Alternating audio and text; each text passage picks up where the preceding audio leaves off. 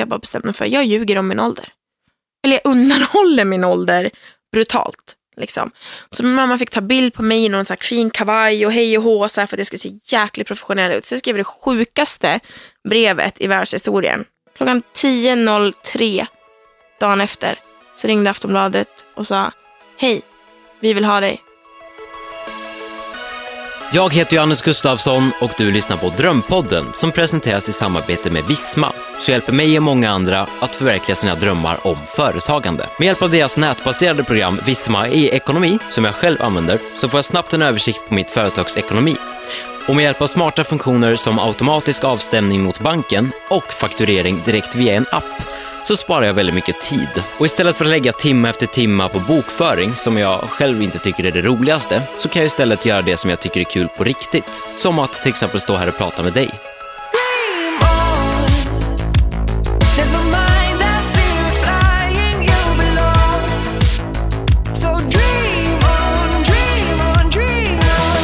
Frida Söderlund är 25-åringen som hoppade av universitetet, började jobba på Aftonbladet, blev frontfigur för ungdomssatsningen Boom och numera är hon även kolumnist, något som hon själv kallar för det finaste man kan vara. Dessutom har hon en hel del följare på sociala medier där hon dagligen inspirerar unga tjejer. Hon har programlett Rockbjörnen två år i rad och intervjuat One Direction.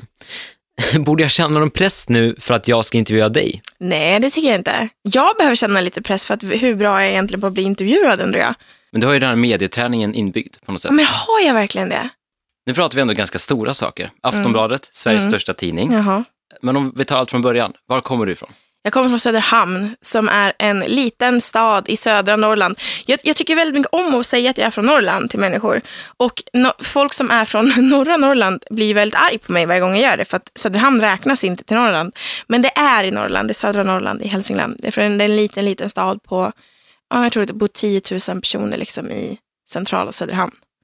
Hur ser din familj ut? Har du några journalistsläktingar? Nej, ingenting. Alltså mina föräldrar eh, är så roliga för både jag och min syster är väldigt kreativt lagda. Så att de är så här, och de är inte det. Liksom, varken min mamma eller min pappa. Eh, så att det är verkligen så här, jag växte upp eh, i så här villa, Volvo, familj, hus, hund. Hela den jättetrygga bubblan. Liksom. Men eh, det var ingen som hade den här skrivande eller journalistiska ådran som jag ändå upptäckte väldigt tidigt med mig själv. Liksom. Vad ville du bli när du blev liten? Vad ville Alltså- du bli när du var liten? när jag var liten, när jag blev liten. Ibland känns det som jag blir liten igen. Nej men jag hade, du vet så här, jag drömde väldigt, väldigt stort, alltså redan när jag var liten, om allt. Du vet så här, man drömde lite grann om att bli någonting. Man vill, jag ville väldigt gärna vara bra på någonting och jag ville inte bara vara bra på någonting, jag ville bli bäst på någonting. Det var liksom en så här ständig så här känsla jag hade inombords. Sen var jag så himla så här, äh, nyfiken som barn så att jag hade liksom mina så här, äh, eh, saker som jag ville. Alltså jag ville bli allt från så här kriminalare till djurskötare till att jag ville bli författare. Författare är liksom det som har stannat hos mig längst. Och jag började upptäcka tidningar, jag ville skriva, jag ville liksom så här, jag gillade det här med att ha, att vara i andra världar, förstår du? Alltså det där kriminaler, det var för mig som en annan värld. Så här, djurskötare, det var bland djuren och så här, fick jag skriva så var det att gå in i en annan värld. Jag tyckte om det, att liksom passera in i någonting annat. Så att jag drömde väldigt mycket om de sakerna. Eh, men eh, författare var liksom det som alltid, jag sa alltid det. Jag vill alltid bli författare. Sen växlade saker runt om, men författare var liksom det jag ville. Författare som i bok eller författare som är journalist? Ja, men alltså, jag tror inte riktigt att jag, jag... Jag minns att jag inte riktigt fattade hur man blev journalist när jag var ung. Liksom. Jag tjatade sönder mina föräldrar alltid om att köpa Aftonbladet. Alltså, det var det bästa jag visste. Alltså, vilken 9-10-åring vi går och slösar sin 20 på att köpa Aftonbladet och banankola? Jo, det var jag. Liksom. Då kostade den också fem spänn. Nu hade man inte fått en enda banankola för den där 20 Men ehm, så att, jag menar, det, var, det fanns någonting där som liksom ryckte tag i mig. Men jag älskade att skriva att skapa stories, att så här, berätta historier. Jag skrev och skrev. Jag skrev så mycket i skolan att det var typ löjligt. Jag ägnade varje sekund jag hade åt att skriva rent de här skrivböckerna där man fick hitta på historier. Det var det bästa jag visste. Så att eh, jag ville verkligen liksom hitta på egna historier och berätta dem. Liksom. Vi hoppar fram lite till Mm. att du var 17 ungefär. Ja, Hur såg ditt liv ut då? shit alltså. När jag var 17, då gick jag på medieprogrammet på gymnasiet. Min eh, pojkvän hade dumpat mig, eller han kom och dumpade mig när jag skulle fylla 18 där, så jag var 17. Han krossade mitt hjärta fullständigt. Eh, och jag var väldigt så här mycket, jag hade precis börjat med journalistiken. Jag var så här 16 när jag började eh, jobba. Min eh, jätte, gamla barndomsvän och numera också kollega Pontus Orre som är fotograf på Aftonbladet. Han eh, haffade mig en dag i skolan bara. Så, så här, du, alltså lokaltidningen behöver någon som skriver till mitt reportage för kan följa med och du kan ju typ skriva. Kan inte du bara följa med mig på det här jobbet? Jag hade ingen jävla aning om hur man skrev en artikel. Alltså jag visste inte, jag var 16 bast liksom. Jag visste inte, jag bara ja visst, jag gör det. Liksom, så jag halkade in lite på bananskal. Um, men just när jag var 17 så jobbade vi extremt mycket. Vi skolkade mycket, jag var på Melodifestivalen nere i så här Malmö. Klampade in där 17 bast, fattade ingenting och visste liksom absolut inte hur man bevakar någonting så stort men bara gick på känsla lite grann. Och jag minns, jag, jag kommer ihåg, jag ser alla de här Aftonbladet-reportrarna och bara tänker oh my god. Som jag nu jobbar sida vid sida med liksom. Men eh, jag var väldigt så här äh, säker på liksom vad jag var bra på, men ändå väldigt sökande efter så här, vad, vilken väg jag skulle ta dit på något sätt. Så att eh, jag ägnade typ all min tid åt att vara hjärtekrossad eller eh, alltså, idrotta eller jobba helt enkelt. Det var det jag gjorde. Liksom. Du sa att du såg de här Aftonbladet-journalisterna på Ja, Melodifestivalen. Jag, ja, jag minns det här så väl. Jag minns Markus Larsson som går där i så här kritstreckig kavaj och så vandrar fram och tillbaks i rummet och jag bara satt där och tittade på dem. Jag minns liksom Helena Trus, Tobbe Ek, alla de som jag varit ute och bevakat Melodifestivalen med i fyra år i sträck nu. Liksom. Jag minns dem så väl. Jag bara satt och tittade på dem och tänkte bara shit, tänk om man kan bli som någon av dem en dag. Det var dina förebilder. Ja, absolut. Alltså på många sätt. Alltså, ehm, jättemånga av de som jag har på Aftonbladet har jag sett upp till och ser fortfarande upp till. Herregud, det är briljanta människor hela bunten. Liksom. Så att, eh, men jag minns det så väl och jag minns också att, så här, att jag, typ, jag visste inte hur det gick till att bevaka en melodifestival, såklart. Jag var 17 och jag minns att det blev katastrof när vi skulle checka in på hotellet för minderåriga. Liksom. Herregud, där bara landade vi på något hotell och de fattade ingenting varför två barn skulle checka in på mello. Eller så här, på hotellet för att göra mello. De var så här, vad håller ni på med? Typ så här. Men eh, det var en väldigt fin upplevelse ändå. Har du något minne från eh, den Melodifestivalen där du gjorde en, ett stort misstag under någon intervju eller något sånt där? Det, alltså det året när jag var 17? Ja, Ja. absolut. Alltså jag gick fram dit för att det, grejen var att det var en eh, artist från Söderhamn med. Eh, som heter Anna Salin. Och eh, jag gick fram dit till det bordet. Jag hade ingen aning om att det fanns någonting som heter kö eller så här, två minuters regel. Vet, allting som jag vet idag. Så jag har- I had no clue. Alltså så, här, så jag bara klampade fram dit.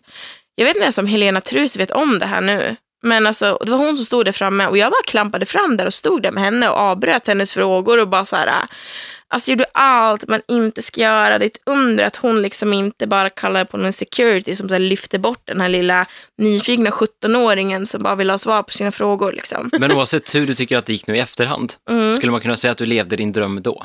Ja. ja, jag levde min dröm så pass mycket på ett sätt. Alltså jag hade ju så många andra drömmar. Eh, jag visste att jag var på väg mot någonting större. Eller jag hade ju en tanke om det liksom. Men eh, du vet, jag levde den så pass och jag jobbade så mycket med journalistik och fick berätta folks historier. Det var ju det jag brann för liksom.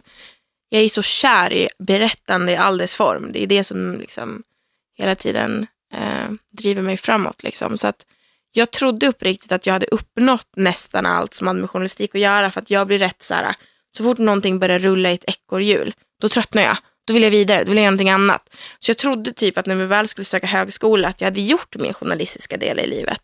Att det var över. Så jag sökte bara så här, du vet, copywriter, manusförfattare, du vet, de grejerna. Tills här, det var tre dagar innan det där skulle stänga. Och jag bara raderade allt och sökte tre journalistutbildningar och ingenting annat. Och bara, det är det här jag ska göra.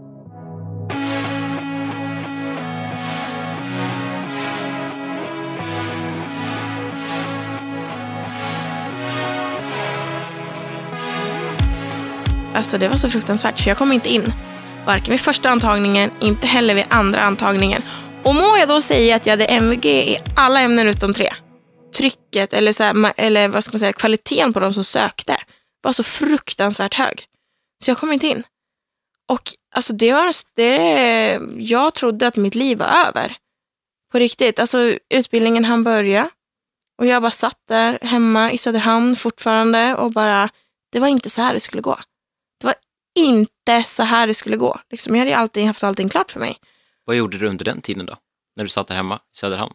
Nej, men jag, jag tänkte hur, hur får man sitt liv tillbaks? Alltså lite, jag hade verkligen hakat upp allting på det där, men jag bestämde mig för att okay, jag ska dra till New York, hälsa på en kompis, jag ska försöka frilansa, jag ska göra allt jag kan för att den här drömmen om någonting större inom det här ändå ska bli sann. Men så hann det gå den dagen jag hade bestämt mig, så ringde de dagen efter och sa hej, vi har en plats åt dig, kan du komma hit imorgon?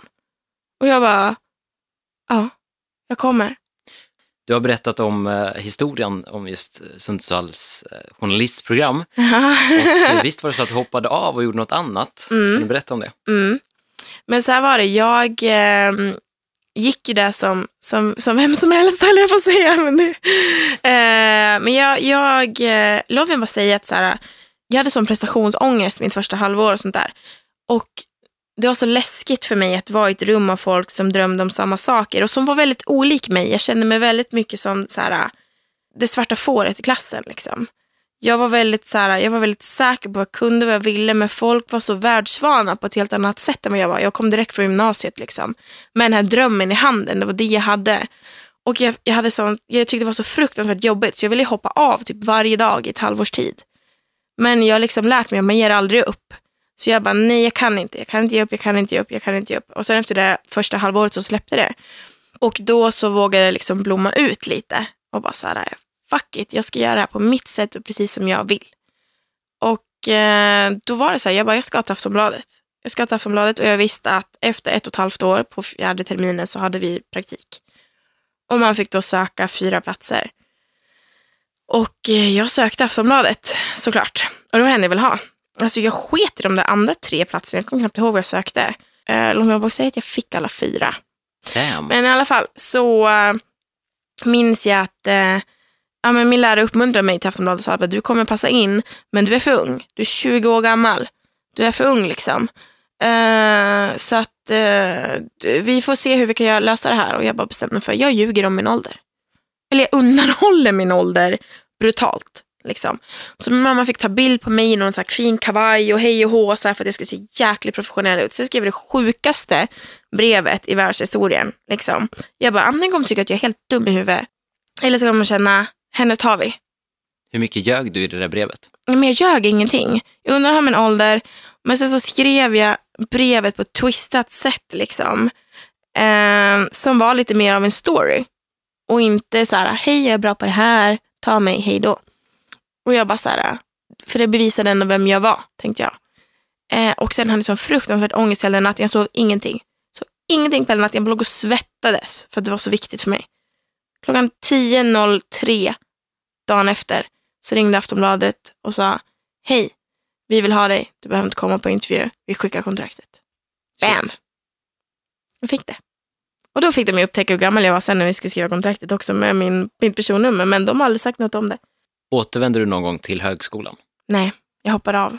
Efter den här praktiken så fick jag ett sommarvik och sen så fick jag förlängning och då bestämde jag mig för att eh, satsa på drömmen och inte vägen till drömmen, förstår du? Mm. Utan jag bara så här, det är det här jag ska göra.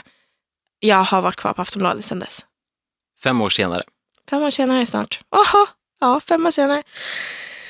Still there. Och hur ser en vanlig dag ut på Ja, men Aftonbladet? herregud, alltså, så ofta man får den här frågan, det finns aldrig något svar på den.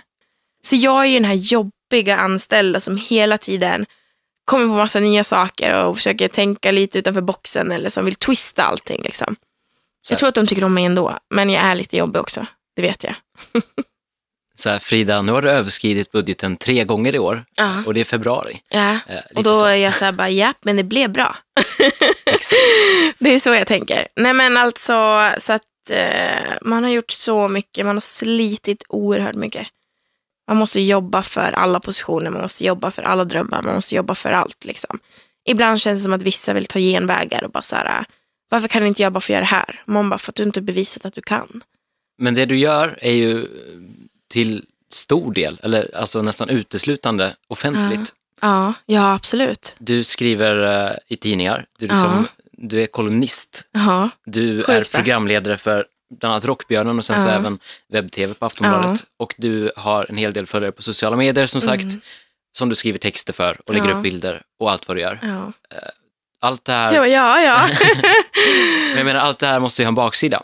Vad har du mött för Ah, motgångar? Fan, alltså. Ja, det har ju det. Alltså, det var ju förra året, jag var 23, eh, skulle fylla 24 när jag eh, gick in i väggen fullständigt. Alltså brände ut mig helt, allt jag hade liksom. Totalt. Och det var ju den värsta tiden i mitt liv. Alltså verkligen. Um, det var ju så pass illa att jag liksom, alltså jag blev så pass utmattningsdeprimerad att jag inte riktigt ville leva längre vad ska man säga, men det så menar jag inte så här att jag eh, men så här övervägde att ta mitt liv, men jag ville inte leva för att jag såg ingen mening. Alltså det är så här, jag var fast i någon så här meningslöshet och hopplöshet. Alltså för allt jag kunde känna var att så här, allt var meningslöst. Jag hade bara ont, jag var bara trött, jag var liksom bara, jag såg ingen mening med något på något sätt. Liksom. Och det var ju svintufft, såklart. Um, och det var liksom, och jag var, det var svårt för folk runt mig också för att jag är väldigt bra på att bygga upp fasader. Alltså så här, jag ville ju, jag alltid ville vara den, den duktiga flickan, den bästa versionen av mig själv och så kunde jag inte vara det längre. Och det var den absolut, det är det absolut största misslyckandet för mig. När jag upptäckte att jag inte var superwoman. Men det, alltså jag har precis repat mig relativt från det. Um, I våras liksom när jag bara stod där vid lite vid ett vägskäl lite grann. Så att våga, alltså orkar jag, jag, bara, jag kan inte må så här längre. Så kroppen var ju trasig, sköldkörteln var trasig, du vet så här, jag hade ingen temperatur i kroppen, jag sov inte, alltså du vet det var ju bara kaos. Då bestämde jag mig för att ge det ett sista så här, äh, krafttag med sjukhus, allting. Och det lyckades. Liksom. De kunde hitta vad som var fel, nu äter jag medicin, jag har en helt annan rutin på livet. Jag känner mig själv mycket bättre nu än någonsin och jag är liksom från att verkligen vara så här, äh, jag vill inte leva längre för att det inte är värt någonting. Så känner jag att jag är på väg att bli starkare än någonsin.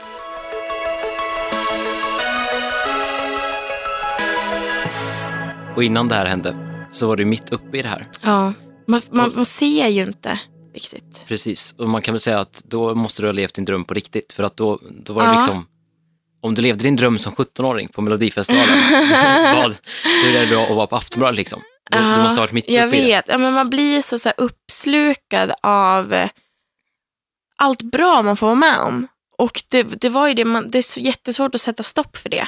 Och det är jättesvårt att så här, eh, inte vilja vara en del av det, förstår du? Det är jättesvårt att så här, eh, jag vet jag drog så mycket energi av det, jag drog så mycket glädje av det, jag drog så mycket av så här, mig själv och definitionen av vem jag var och allt det var liksom uppbundet på det här.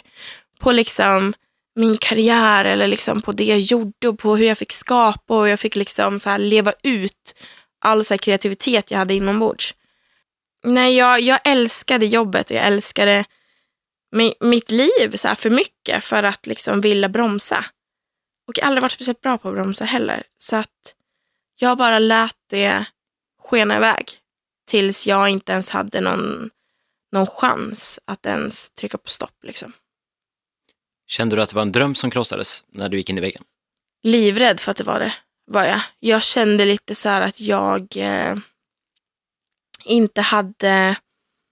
Alltså jag visste inte vem jag var utan det. Och jag, jag var jätterädd att alla mina drömmar och att hela mitt liv bara gick i tusen bitar där och då. Att jag inte skulle kunna lappa ihop det på något sätt. Liksom.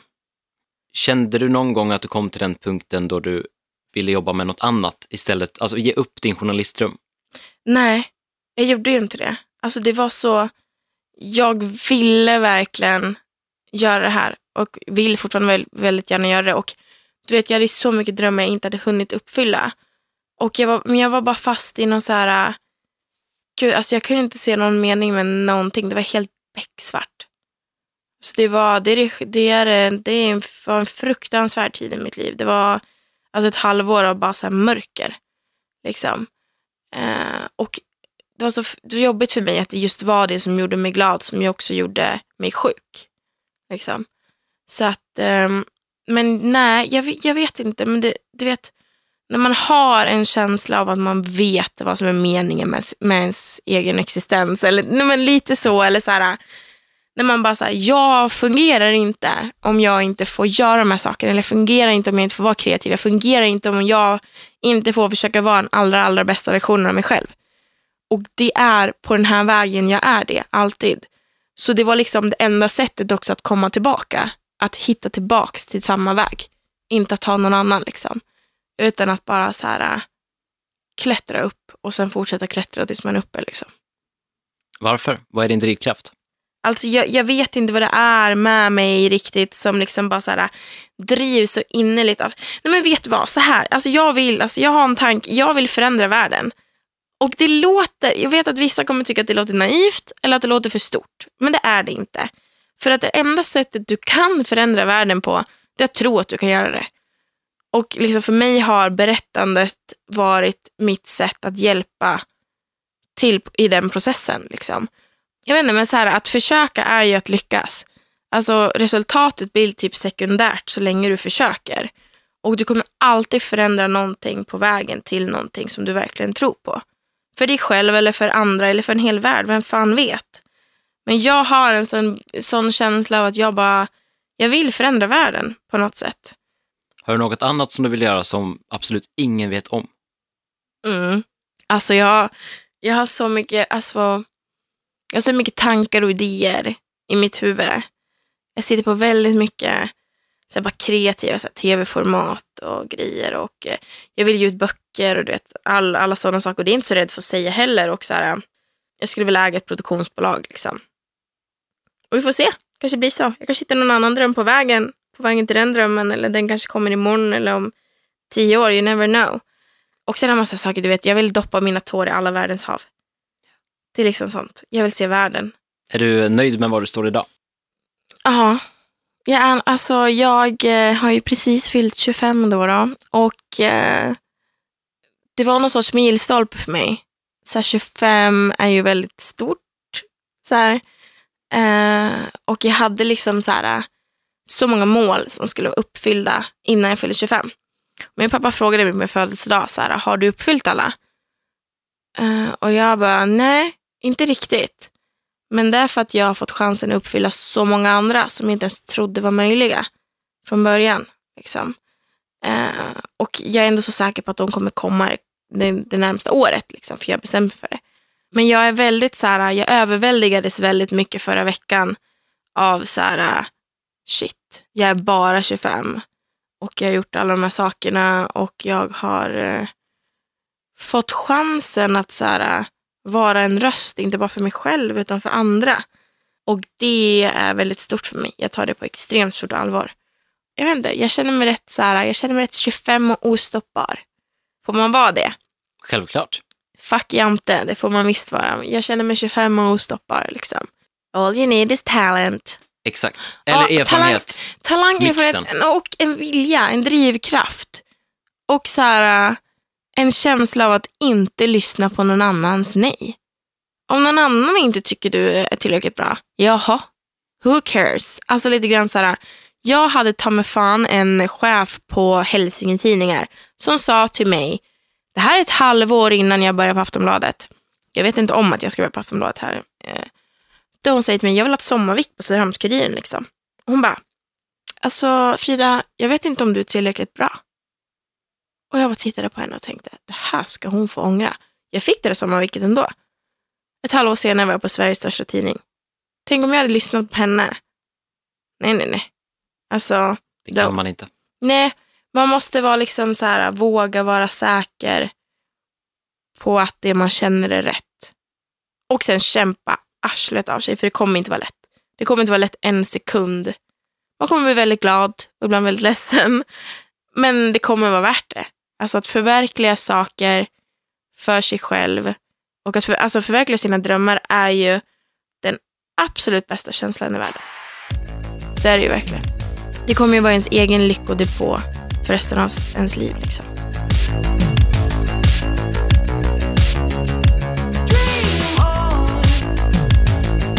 Skulle du säga att du har förverkligat din dröm idag?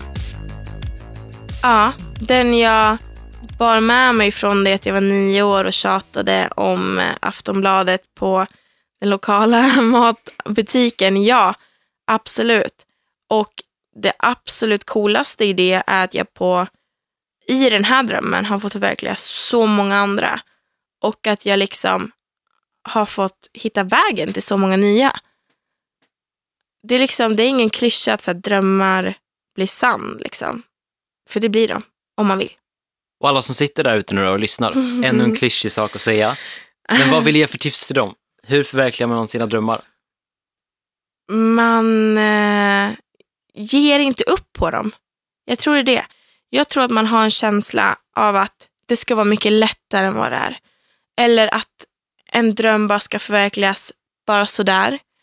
Eller att man liksom ska känna direkt att så här, ja men jag är tillräckligt bra för att förverkliga det här. Så är det inte alltid. Ibland är det en inlärningsprocess eller en uppvärmning eller vad man än vill kalla det till den här drömmen. Och så många släpper taget om saker för tidigt. Så här, håll hårt vid det och var liksom eh, bestämd. På att liksom, om den här drömmen vill slinka ur din hand, alltså håll hårt. Håll fast i den och bara så här, nej. Tills du verkligen måste släppa taget för att du vill fånga en ny, gör det då. Men håll, håll hårt och kämpa för det. Jag var ensam i över ett år i Stockholm för att jag ville förverkliga min dröm. Jag hade inga vänner, jag hade ingenting. Men jag visste att jag var på rätt väg. Men det var inget som sa att det skulle vara lätt. Så jag höll hårt i det där. Jag höll fast. Och nu har jag ett fantastiskt jobb, vänner att dö för och eh, ett liv som är jävligt bra ändå. Så jag menar, håll hårt i drömmen. Vad drömmer du om i framtiden? Vad har du på gång? nu drömmer jag om att få släppa en bok. Det är vad jag vill. Jag vill släppa en bok. Jag vill jobba mer med tv. Eh, men jag drömmer också om att lite grann så här, eh, om världen. Som sagt, jag skulle vilja se mer av världen. Jag vet inte, jag tänkte att jag skulle börja drömma om så här, jag är fan vuxen nu, liksom, familj och hus och pojkvänner och barn. Men nej, jag gör inte det. Inte än. En hund kanske. Jag, vet inte, jag drömmer fortfarande om att så här, få skapa i nya former. Och kanske göra det utanför Sveriges gränser. Vad ska boken handla om? jag var mig själv. Nej men jag tror att det, det kommer vara mycket det, så här, fragment ur mitt liv på något sätt. Och det låter ju jättedumt så här, för att nu har jag ju hela jantesamhället som bara, vem är du och skriver en bok om dig själv? Men det är inte, egentligen inte det jag menar. Utan det är mer så här reflektioner av saker man är med om. Tankar och känslor som jag tror väldigt, väldigt många har. Typ lite som, som mina kolumner är. Fast i mycket, mycket mer djupgående form. Liksom. Jag sa att det skulle bli klart innan jag fyllde 25, men titta, det hände ju inte. Så nu får det liksom bli klart medan jag fortfarande är 25. Sant. Mm. Lovar du mig ett signerat ex? Ja, har du. Du kan få hur många du vill. jag kan till och med din kan jag skriva ut någon extra lapp så här, dedikerat till Johannes. Ja, fast det tycker jag ju ska tryckas i alla Du tycker det, eller hur? Ja. För den där fantastiska poddintervjun. Tack så jättemycket för att du har lyssnat. Glöm nu inte att gå in och prenumerera och skriv jättegärna en recension också. Det skulle göra mig jätteglad. Glöm inte heller att följa Visma och mig på sociala medier. Våra användarnamn hittar du i beskrivningen till det här avsnittet.